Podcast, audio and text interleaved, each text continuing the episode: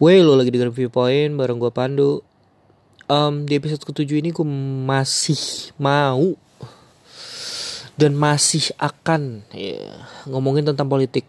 Tapi nanti dulu gitu.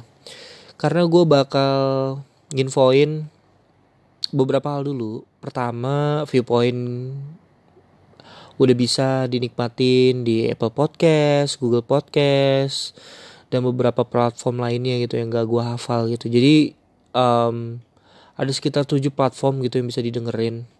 Artinya menurut gue ya semakin banyak platform bukan hanya di anchor ya semakin baik gitu dan harapannya ya semakin tinggi juga orang yang mendengarkan gitu. Tapi um, gue kan biasanya buka anchor ini kan mau ngeliat gitu misalnya statistik segala macam itu kan biasanya gue buka menjelang tidur gitu ya malam-malam gue buka anchor eh setelah gue lihat sih ya dalam setiap harinya tuh ada aja gitu yang dengerin um, dengerin podcast gue susah di anchor gitu. Gue nggak tahu di statistik di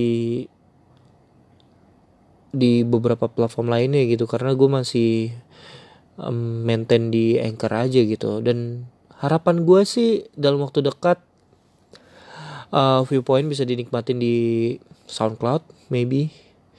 Dan pastinya di Spotify gitu. Karena gue juga baru dapat uh, hasil riset gitu terkait dengan podcast user di Indonesia. Kalau misalnya um, ini riset dari Daily Social ya. Karena gue sempet juga um, sebenarnya gue nggak sengaja sih nemuin riset terkait dengan podcast ini. Ya ternyata udah ada yang melakukan riset gitu mengenai um, pengguna dan pendengar di Indonesia gitu. Kalau misalnya ternyata dua platform teratas orang ngedengerin ngedengerin podcast tuh ya mereka dengerin dari Spotify sama SoundCloud gitu. Sedangkan untuk uh, fase sekarang atau di kondisi sekarang ini gue belum tersedia di Spotify sama SoundCloud gitu. Jadi mungkin dalam waktu dekat gue bakal upgrade juga bakal nambahin juga maksudnya uh, platform-platform lainnya setelah misalnya yang terakhir Apple Podcast itu uh, uh, viewpoint bisa dinikmatin di Apple Podcast gitu. Pertama itu um, karena gue pernah sampein juga kalau nggak salah ya di episode pertama kenapa gue bikin podcast dan harapan gue ke depannya. Sebenarnya harapan gue nggak muluk-muluk sih. Di fase pertama ya gue pengen konsistensi aja dulu gitu. Dan sedikit memberikan corak terhadap uh, podcast gue sendiri gitu. Dan udah kelihatan kan kayak misalnya dari beberapa episode gitu gue ngomongin tentang politik.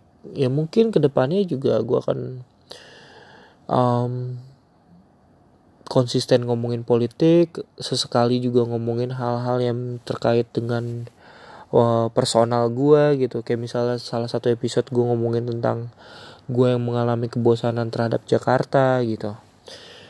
Dan ya harapan gue ya di nanti di fase kedua gue bakal up, nambah lagi misalnya nanti um, gue adain sesi wawancara misalnya sesi interview ya simple simple aja sih. Dari temen um, gue ngundang teman-teman gue sendiri dari banyak bidang kan?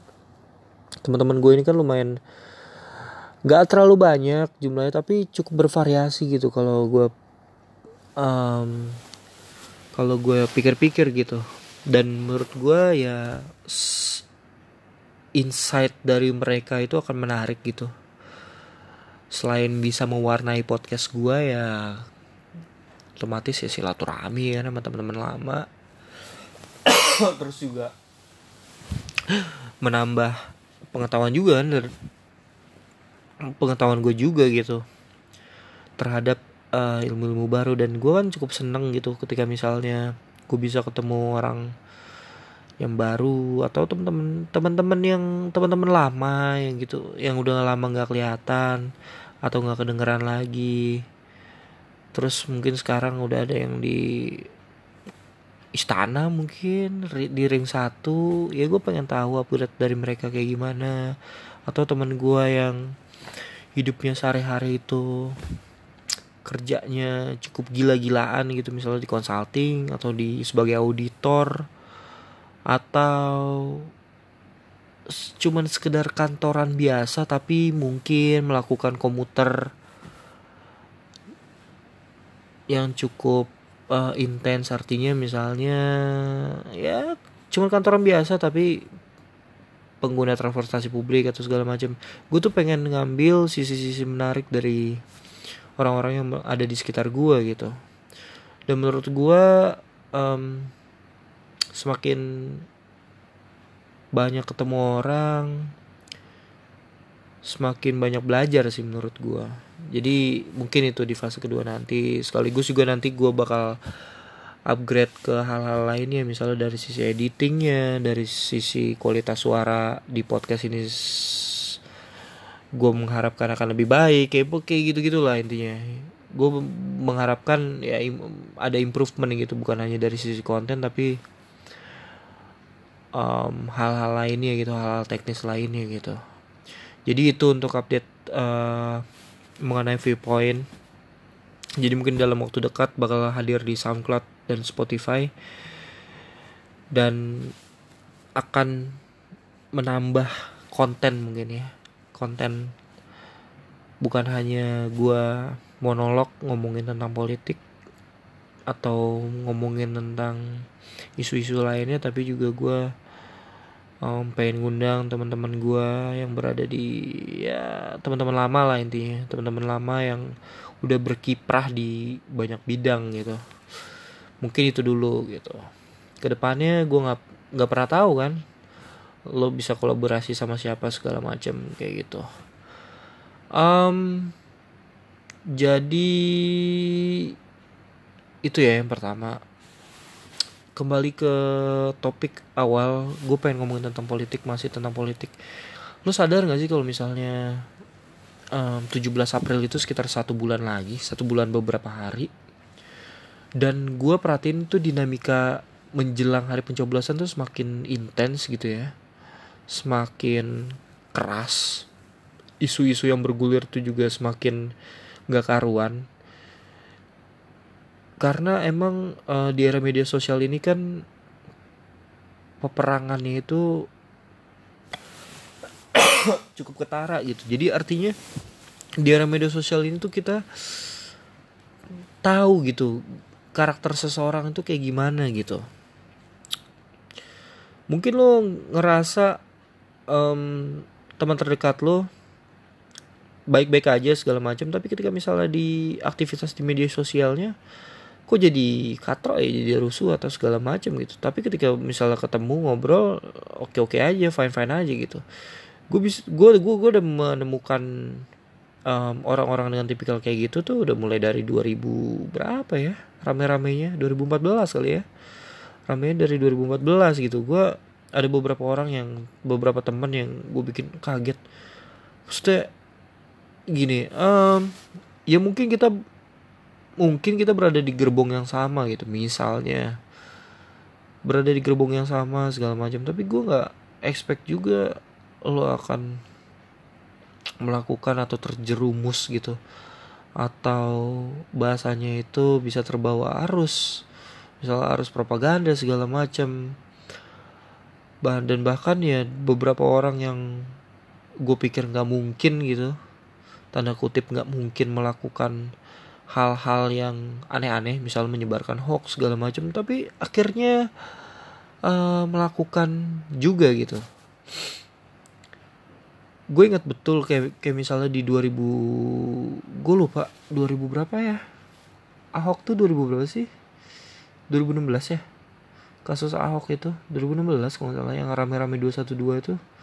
2016 kan ya dimulai 2016 terus juga karena biasa gini kan kayak lu dalam keluarga tuh um, jadi gini kayak di keluarga bokap gue tuh ada nilai-nilai yang emang harus lo um, atau informasi-informasi yang harus lo jaga dan gak lo bagi gitu di dalam grup. Dan selama ini sih kita cukup fine fine aja. Artinya ketika misalnya ada salah satu anggota keluarga yang menyebarkan isu propaganda segala macam ya entah ditegur atau bahkan gak digubris sama sekali gitu.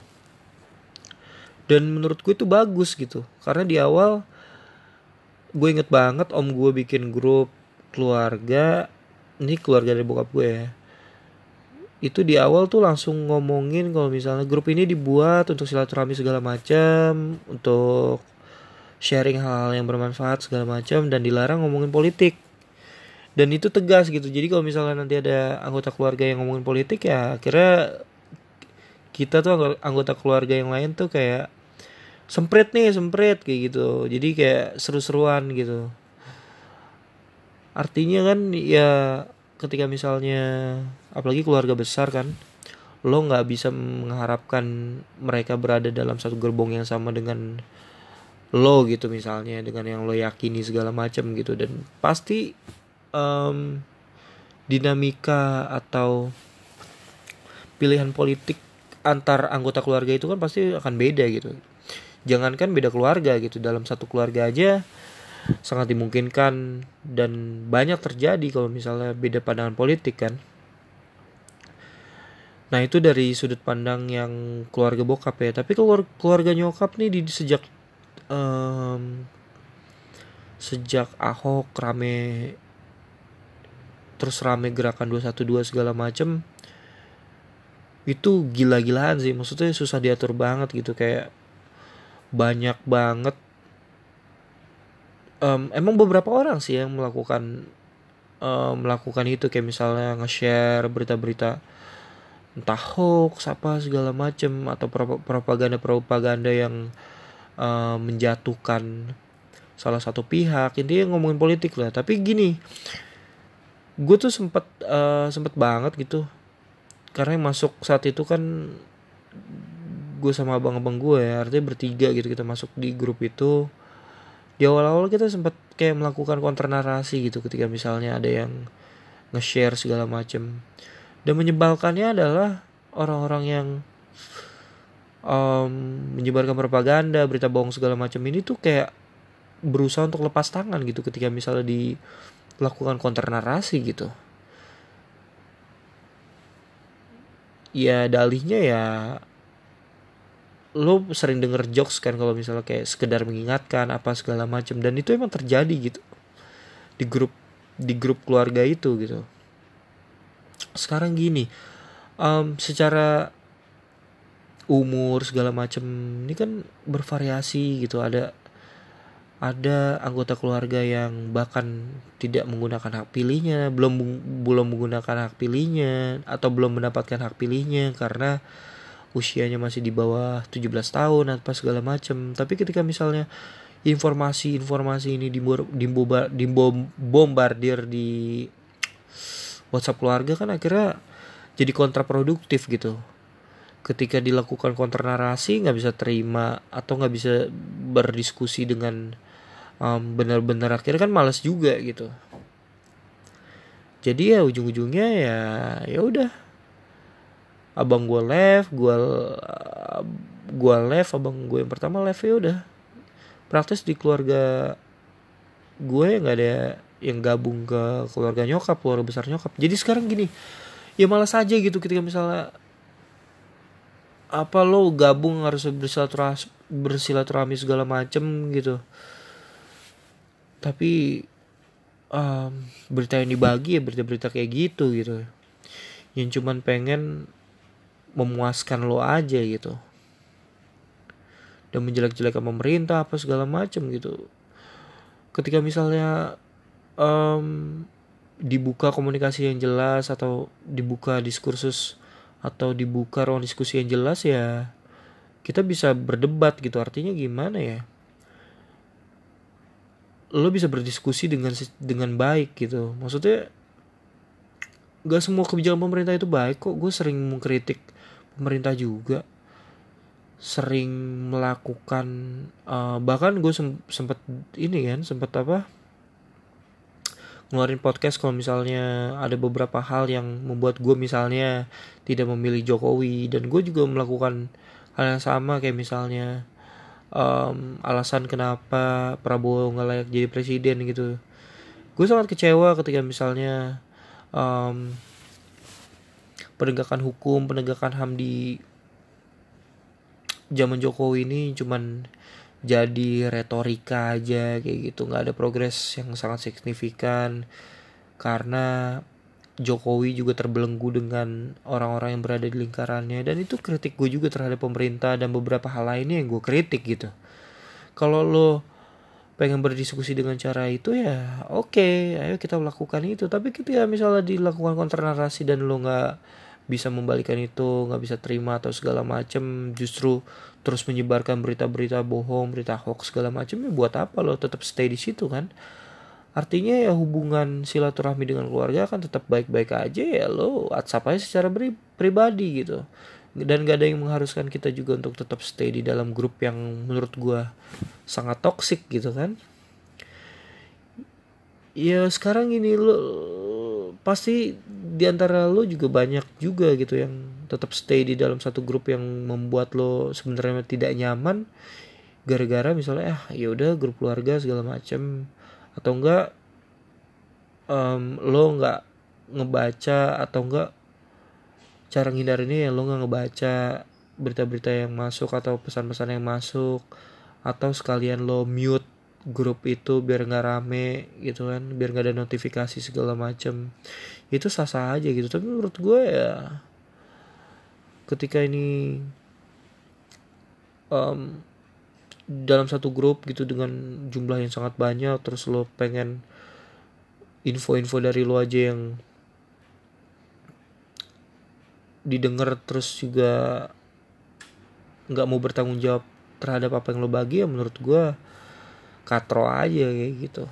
Jadi itu jadi salah satunya dinamikanya itu udah pasti kalau misalnya menjelang menjelang pencoblosan ini udah banyak banget berita-berita aneh lah gitu minta berita bohong segala macam propaganda yang menjelek-jelekan pemerintah lah apa segala macam. Dan gue males banget gitu untuk ngikutin itu. Um, terus apa lagi ya? Terkait dengan pemilu um, lo pasti akan nggak jauh-jauh gitu. Kayak misalnya praktek-praktek money gitu politik uang tuh bakal bakal tetap ada gitu selama misalnya pemilu kita dianggap sebagai berbiaya mahal gitu. Politik uang gue inget banget gitu di 2014 itu gue sempat melakukan kampanye anti politik uang di beberapa daerah di kota Malang gitu. Bahkan ya ketika melakukan kampanye itu di beberapa daerah yang um, kita rasa saat itu gue dan teman-teman rasa cukup um, cukup layak mendapat perhatian karena saat itu gue mengunjungi salah satu daerah yang salah satu daerah di kota Malang yang cukup mendapat predikat negatif lah saat itu. Entah dianggap sebagai kampung maling lah atau apa segala macam gitu. Gue ngerasain bener ketika misalnya um, beberapa warga nanyain e, mas tim ses mana? Gitu. Duitnya mana? Apa segala macam gitu. Setelah dikonfirmasi lagi ya mereka jelas terang-terangan menerima siapa aja yang masuk gitu. Asalkan ada duitnya gitu. Dan praktek-praktek ini ya menurut gue akan terus berjalan apalagi menjelang hari pencoblosan yang semakin tinggi segala macam gitu. Apalagi jumlah caleg ini kan setahu gue kalau dibandingkan periode-periode lain ini kan lebih banyak gitu kan. Karena partainya juga jumlah partainya juga bertambah gitu kan. Dan tingkat persaingannya juga cukup tinggi gitu. Jadi ada beberapa partai. Karena um, ketika lo bicara tentang pileg aja ya pemilihan uh, mencari legislator lah gitu. Pertarungannya pertarungannya kan bukan hanya di antar partai kan tapi juga di dalam partai gitu. Kayak misalnya di beberapa partai partai apalagi partai-partai gede mereka memaksimalkan um, jumlah kursi gitu. Maksudnya jumlah calon legislatif di dalam partainya gitu ya untuk berkompetisi gitu jadi akhirnya makin sikat-sikatan aja gitu antar sesama partai gitu. Apalagi misalnya antar partai gitu kan. Otomatis ikut-ikutannya tinggi segala macam propaganda-propaganda itu makin banyak. Dan gue ada aduh cukup. Sebenarnya kalau sebenarnya kalau um, boleh jujur sih gue udah males banget gitu untuk ngikutin yang kayak gitu-gitu. Apalagi misalnya di era media sosial ini kan pertarungan ini kan semakin kelihatan gitu kan semakin berasa. Semakin parah semakin kenceng gitu. Gue ini kan salah satu pengguna aktif Twitter ya. Jadi ya selama masa kampanye ini gue gue tuh berusaha gini. Gue berusaha banget untuk tidak hidup di dalam ruang gema gue sendiri gitu. Artinya gue nggak cuma mengikuti atau memfollow orang-orang yang ber yang gue anggap satu pemikiran atau satu aliran atau satu satu gerbong lah gitu ya. Satu gerbong sama apa yang gue yakini gitu.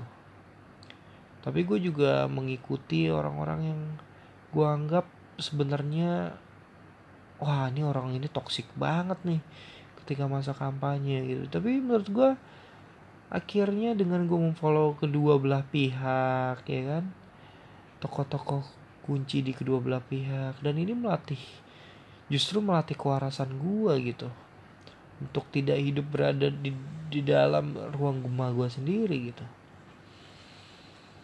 Dan ini gue rasain bener gitu manfaat ya manfaat dari gue melakukan itu gitu. Walaupun ya akhirnya ujung-ujungnya filtrasi informasi segala macam kan berada di kita sendiri kan. Kira kita tahu sendiri gitu. Wah ini bohong nih ini propaganda nih ini kacrut apa segala macam ini pesanan ini apa segala macam.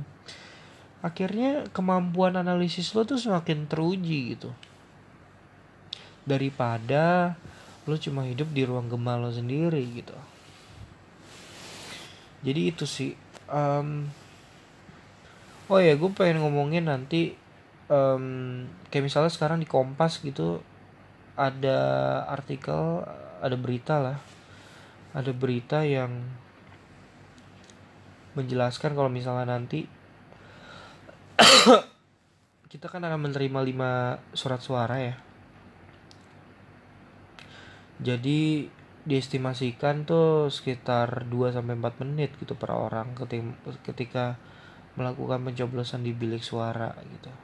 Dan itu juga tentatif bisa lebih. Ya itu faktornya macam-macam gitu. Kayak misalnya 2 sampai 4 menit ya itu possible ketika misalnya lo udah tahu siapa yang akan lo pilih ketika misalnya berada di bilik suara. Dan persoalannya adalah um, seperti yang gue bilang di gue lupa di episode keberapa gitu. Kayak misalnya um, kita tuh terlalu fokus dengan pilpres gitu. Sehingga kita lupa ada empat surat suara lainnya yang harus kita pikirin gitu. Ada DPR RI ya mungkin di antara lo gampang-gampang aja gitu ketika misalnya um, memutuskan untuk memilih caleg setingkat DPR gitu ya DPR pusat ya. Tapi ketika misalnya um, dihadapkan dengan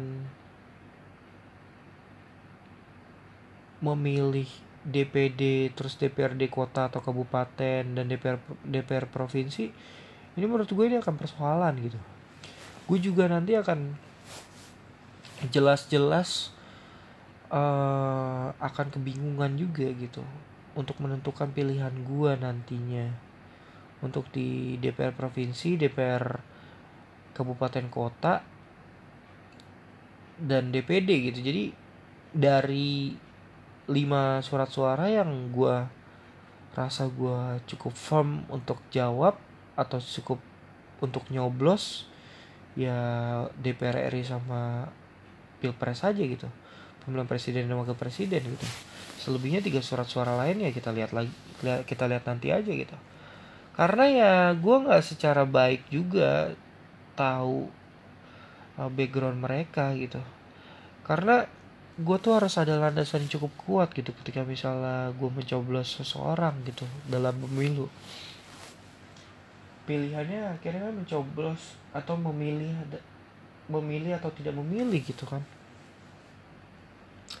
ketika lo memutuskan untuk memilih ya gue rasa ya lo harus tahu harus paham harus tahu latar belakang siapa yang lo pilih gitu. Ketika misalnya lo nggak tahu profil mereka rekam jejak mereka, mereka segala macam ya buat apa lo pilih kan? Gue sesimpel itu aja gitu. Jadi mungkin dari lima suara suara ya mungkin aja gue akan melakukan golput di dua atau tiga um, tiga tiga kategori ya bahasanya apa sih? Tiga pemilihan apa ah, anjing apa ya bahasanya? Pokoknya intinya itulah. Ya mungkin gue akan milih cuma DPR RI sama uh, presiden wakil presiden gitu. Tiga lainnya kalau emang gue rasa nanti gue nggak cukup kenal ya udah nggak akan gue pilih gitu. Gue akan pilih aja kertas di bagian putihnya gitu kan. Bagian surat suara yang bagian putihnya kan. Ya kita lihat nanti aja nanti gitu. Dan menurut gue ya dua menit sih ya mungkin mungkin aja gitu ketika misalnya lo udah tahu siapa yang akan lo coblos gitu. Tapi ketika misalnya lo nggak punya bayangan sama sekali ya bisa sampai 4 sampai enam menit mungkin lo berada di bilik suara dan kebingungan gitu lo harus coblos siapa dan itu bisa jadi gitu. Belum lagi kasus-kasus yang lainnya kasus-kasus lainnya gitu kayak misalnya masih ada sekitar 4 jutaan orang tidak memiliki atau tidak terdaftar sebagai DPT ya pokoknya hal-hal kayak gitulah. Yang sekiranya nanti um, bakal jadi cukup menghambat gitu.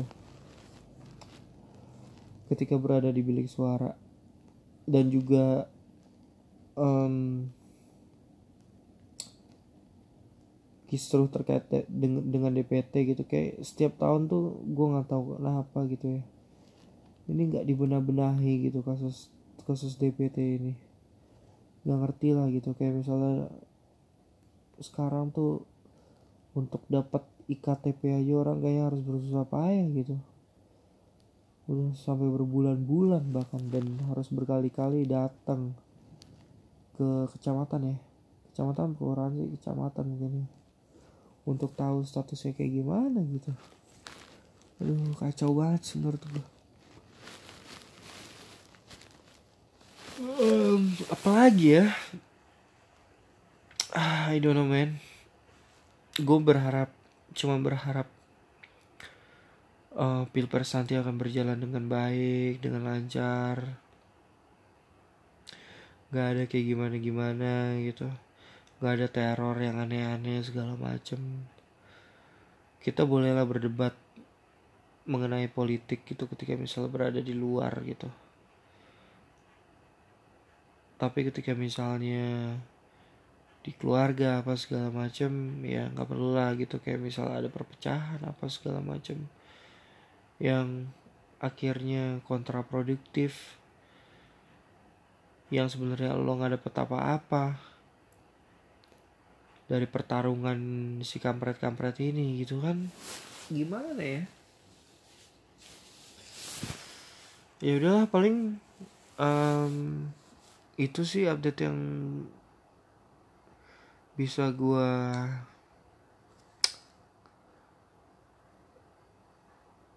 um, bisa gue beri berikan ke lo lo semua gitu karena nggak tahu kenapa nih anjing gue capek banget.